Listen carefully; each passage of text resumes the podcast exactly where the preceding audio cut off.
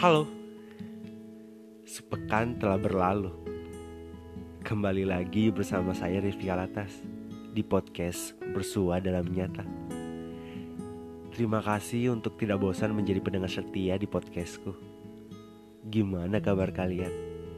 Semoga kabar kalian lebih baik dari sebelumnya ya. Oh iya, episode kali ini pembahasannya sedikit berbeda dari podcast-podcast sebelumnya. Episode kali ini saya ingin membahas tentang percintaan sesuai dengan request beberapa teman Instagram saya. Semoga kalian suka ya. Maaf kalau skripnya kurang menarik. Tapi semoga ada arti yang bisa kalian petik dari podcast episode 4 ini. Oh ya, judul episode kali ini adalah Mencintai dalam kecewa. Setelah judul ini, mungkin kalian akan berpikir, buat apa tetap mencintai kalau sudah merasa kecewa? Mari kita bahas lebih dalam lagi. Setiap manusia tidak mungkin tidak mengenal tentang cinta. Sejak hari pertama kita lahir di dunia ini, itu adalah wujud cintanya Tuhan kepada kita. Bukti cintanya orang tua terhadap kita. Namun, cinta bukan hanya sebatas itu saja. Cinta itu wujudnya berbagai macam, berbagai ego, berbagai karakter. Yang kita tahu, sekarang cinta adalah hal yang bisa membuat kita bahagia. Namun, tidak selamanya jika pelabuhannya terhadap manusia. Mencintai dengan terlalu mungkin saja bisa membuat kita jatuh. Mencintai dalam satu sisi misalnya. Kalian pernah gak sih dihadapin dengan kondisi yang membuat kalian berpikir, apa aku sebodoh ini mempertahankan yang tak bisa bertahan?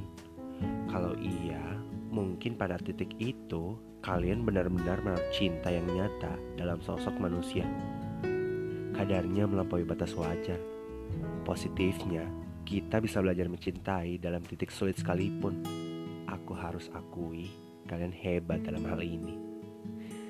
Mencintai akan selalu menginginkan dicintai. Kita berharap bisa mendapatkan perlakuan yang sama, mendapatkan pengakuan yang sama. Namun, realita tidak seindah harapan. Bisa saja apa yang kita inginkan hanya menjadi tepuk angin sebelah. Kecewa pun menapakan diri, merasa tak adil, merasa dipermainkan jiwa semakin gelisah, hati terluka menjadi karenanya. Kata-kata manis dan indah selalu tersajakan dari bibirnya. Entah aku yang terlalu menggunakan hati atau dia yang tak menggunakan hati. Cinta pada titik bawah bisa membuat kita lupa diri. Pun di titik atas kita masih saja lupa diri. Yang pada wajarnya mencintai pada tepat objeknya mencintai yang berdampak baik terhadap diri sendiri dan tetap sadar dalam logika. Cinta yang sebenarnya ialah yang membuat lebih baik, tidak menjadi lebih buruk. Hindari berekspektasi dalam ilusi. Yang kau temui bukan sosok yang telah kalian kenal pada waktu lama. Dia datang pada waktu singkat, sosok yang tak kau kenal sebelumnya. Kau butuh waktu untuk mengenal, memahami, dan mendapatkannya. Yang berproses akan selalu memberikan hasil. Apa pun hasilnya, mungkin itu yang terbaik. Mungkin untuk saat ini memang terasa tak adil.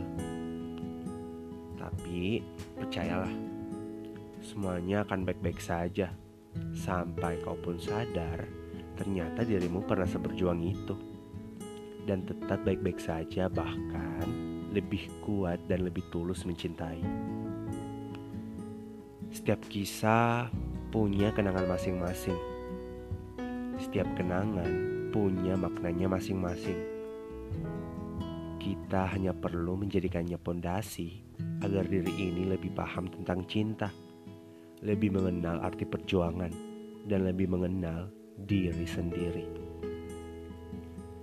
Mungkin sekarang waktunya sejenak untuk memahami diri sendiri. Pahami yang diri kalian mau, cintai diri kalian lebih dalam. Hargai proses dari diri kalian untuk menghadapi semuanya. Kau hanya butuh memahami dan mencintai diri kalian sendiri sebelum menaruh harapan cinta lagi di manusia lain. Segini dulu untuk episode kali ini. Semoga kalian bisa memahami maksud yang aku sampaikan di podcast episode Mencintai dalam Kecewa. Sampai ketemu di podcast episode selanjutnya. Saya Rifki Alatas, pamit undur diri. Semoga kalian selalu bahagia, selalu tertawa, dan selalu damai. Good night. Bye bye.